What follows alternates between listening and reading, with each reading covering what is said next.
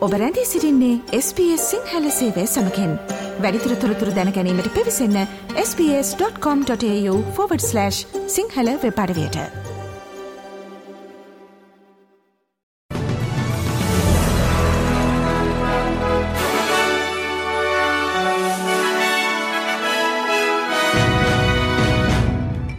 අද අගෝස්තු මස පහළ සොනදා අඟහරුවාදා SBS සිංහල සේවේ ප්‍රෘතිගෙනන මව මදුරසන විරත්න.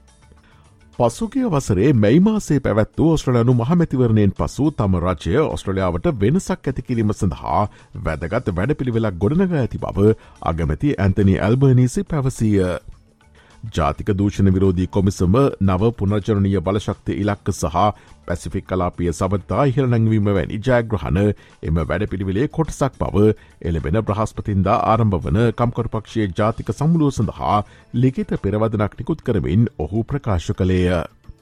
වොයිස්ට පාලිමන් පිළිබඳ සාකච්ඡාව තෙදිනක් පුරාවට පැවැත්වෙන මෙම ජාතික සමුළුවේ ප්‍රධාන තේමාව වන බවද ඔහු සඳහන් කළේය.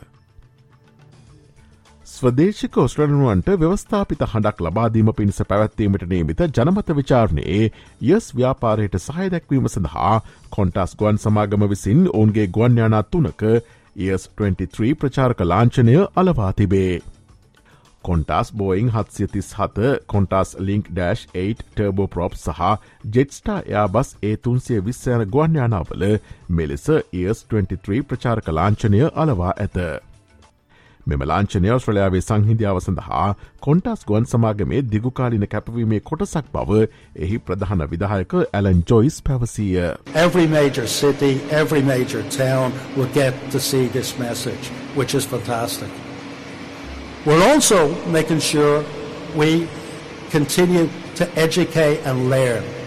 Qantas සමාගම එක් දහස් නවසය හැට ගණන්වල සිට සංහිදියාවට සහයදුන් බව අගමැති ඇන්තනි ඇල්බර්නිසි ප්‍රකාශ කළේය. The spirit of Australia says yes.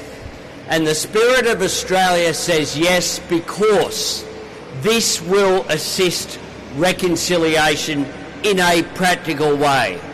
සිඩ්නිනුවර සිට මැලේසියාවේ kwaලලම්පූරනුවර බලා ඒ පිටත්ව ගිය MH එකසේ විසි දෙක දරන මැලේසියානු ගුවන් සේවයට ඇත් ගුවන්ඥානයක් පැතුනක් ඇතුළත නැවත සිද්නි ගුවන්තුටුපලට ගොඩ බස්වා තිබේ.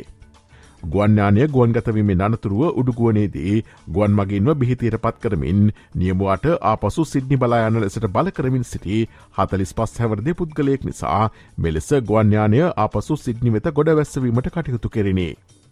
ඒ අනුව ඒ පස්සරු එකට සිද්නි ගුවන්තුරපලින් පිටවගේ මයානය යළි ඒ පස්සරු තුනයි හතලිස් හතට සිද්නි ගුවන්තුරපලට ගොඩ බැස්සවිය. අදාළ පුද්ගලයා ඉස්ලාමය ගැන සඳහන් කරමින් සහ ඔහුගේ පපුය පැළඳ සිටි බෑගයක් දෙසට සංඥා කරමින් ගුවන්්‍යනය තුළ කෑගැසීමට පටන් ගෙන තිබේ. සිද්ධි වෙත පැමිණීමි අනතුරුව එම පුද්ගලයාව නිවසෞතස් පොලිසේ විසින් අත්තරංගුට ගෙන තිබේ. පසුගිය කාර්තුව තුළ තම වැටුප් සැබෑලෙස වර්ධනය වී ඇද යන්න ඔස්්‍රණනුවන්ට අද දැනගැනීමට හැකි වනු ඇත. ඔස්ට්‍රලයනු සංඛ්‍යාලයකන කාරංශය විසින් නිකුත් කිරීමට නීමිත වැටුක් මිලදර්ශකය අද දහවල් නිකුත් කිරීමට නීමිත අතර මෙය සිදුවන්නේ වසර තුනකට පසුවීමද විශේෂත්වයකි. පසුගේ ජුනිකාර්තුවේදී සියට බිදුවදශම නවයකින් වැටුක් වැඩවී ඇති බව අපේක්ෂා කෙරේ. ශ්‍ර ලංකාවෙන් වාර්තාාවන පුවත් අද වැඩස්්‍රහණය මවබිමින් පුවත් විශේෂාන්ගෙන් බලාපොරොත්තුවන්න. අධික මෝසම් වර්ෂාවේ ප්‍රතිඵලයක් ලෙස ඉන්දියාවේ හිමාලය ප්‍රදේශයේ ගංවතුර සහ නායම් හේතුවෙන් ආමවශයෙන් පුද්ගලන් හතලිස් එක් දෙනෙකු මිය ගොස් ඇති අතර තවත් බොහෝ පිරිසක් සිරවී සිටන බවවාර්තාවේ. ජුනි සිට සැප්තැම්බර් දක්වා මෝසම් වර්ෂාකාලවලදී නායම් සහ ගංවතුර හේතුවෙන් සිදුවන විපත් මෙම කලාපේ සුලභවේ. ගෝලිය උෂ්ණත්තේ හෙළයාම එහි ඇති ග්ලැසියර දියවීමට දායක වන බැවින් ඒවා නිතර සිදුවන බව විද්‍යාඥයෝ පවසති. මේ දිනවල ශ්‍ර ලංකාවේ පැවත්වෙන ලංකා ප්‍රමියලික් තරගාවලියේ ඊයේ පැවති තරගෙන් බීලව් කැන්ඩි කණ්ඩෑම පරතා දම්බුල්ල ඕරා කණ්ඩෑම ලකුණු විස්සක ජෑක් අත් කරගත්තේය. ඒ අනුව දම්බුල්ල ඕරා කණ්ඩෑම මේ වන විට එල්පිල් තරගාවලියේ කොලිෆය වටට පළමුුව සුස්කම් ලැබූ කණ්ඩෑම් බවට පත්වී තිබේ. අද දිනේදී කළම්බු ස්ට්‍රයිකස් කණ්ඩෑම සහ ගොල් ටයිටන්ස් කණ්ඩෑම් අතර පැවත්වෙන තරගේ ජයගන්නා කණ්ඩෑම කොලිෆයි වටට සුස්කම් ලබන දෙවන කණ්ඩෑම් බවට පත්වේ.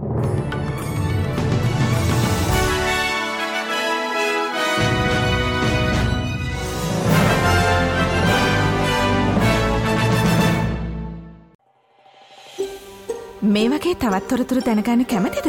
එහමනම් Apple podcast Google podcast Spotify ඔබගේ පොඩ්කාස්ට ලබාගන්න ඕනෑම මාතයකින් අපට සවන්දය හැකේ.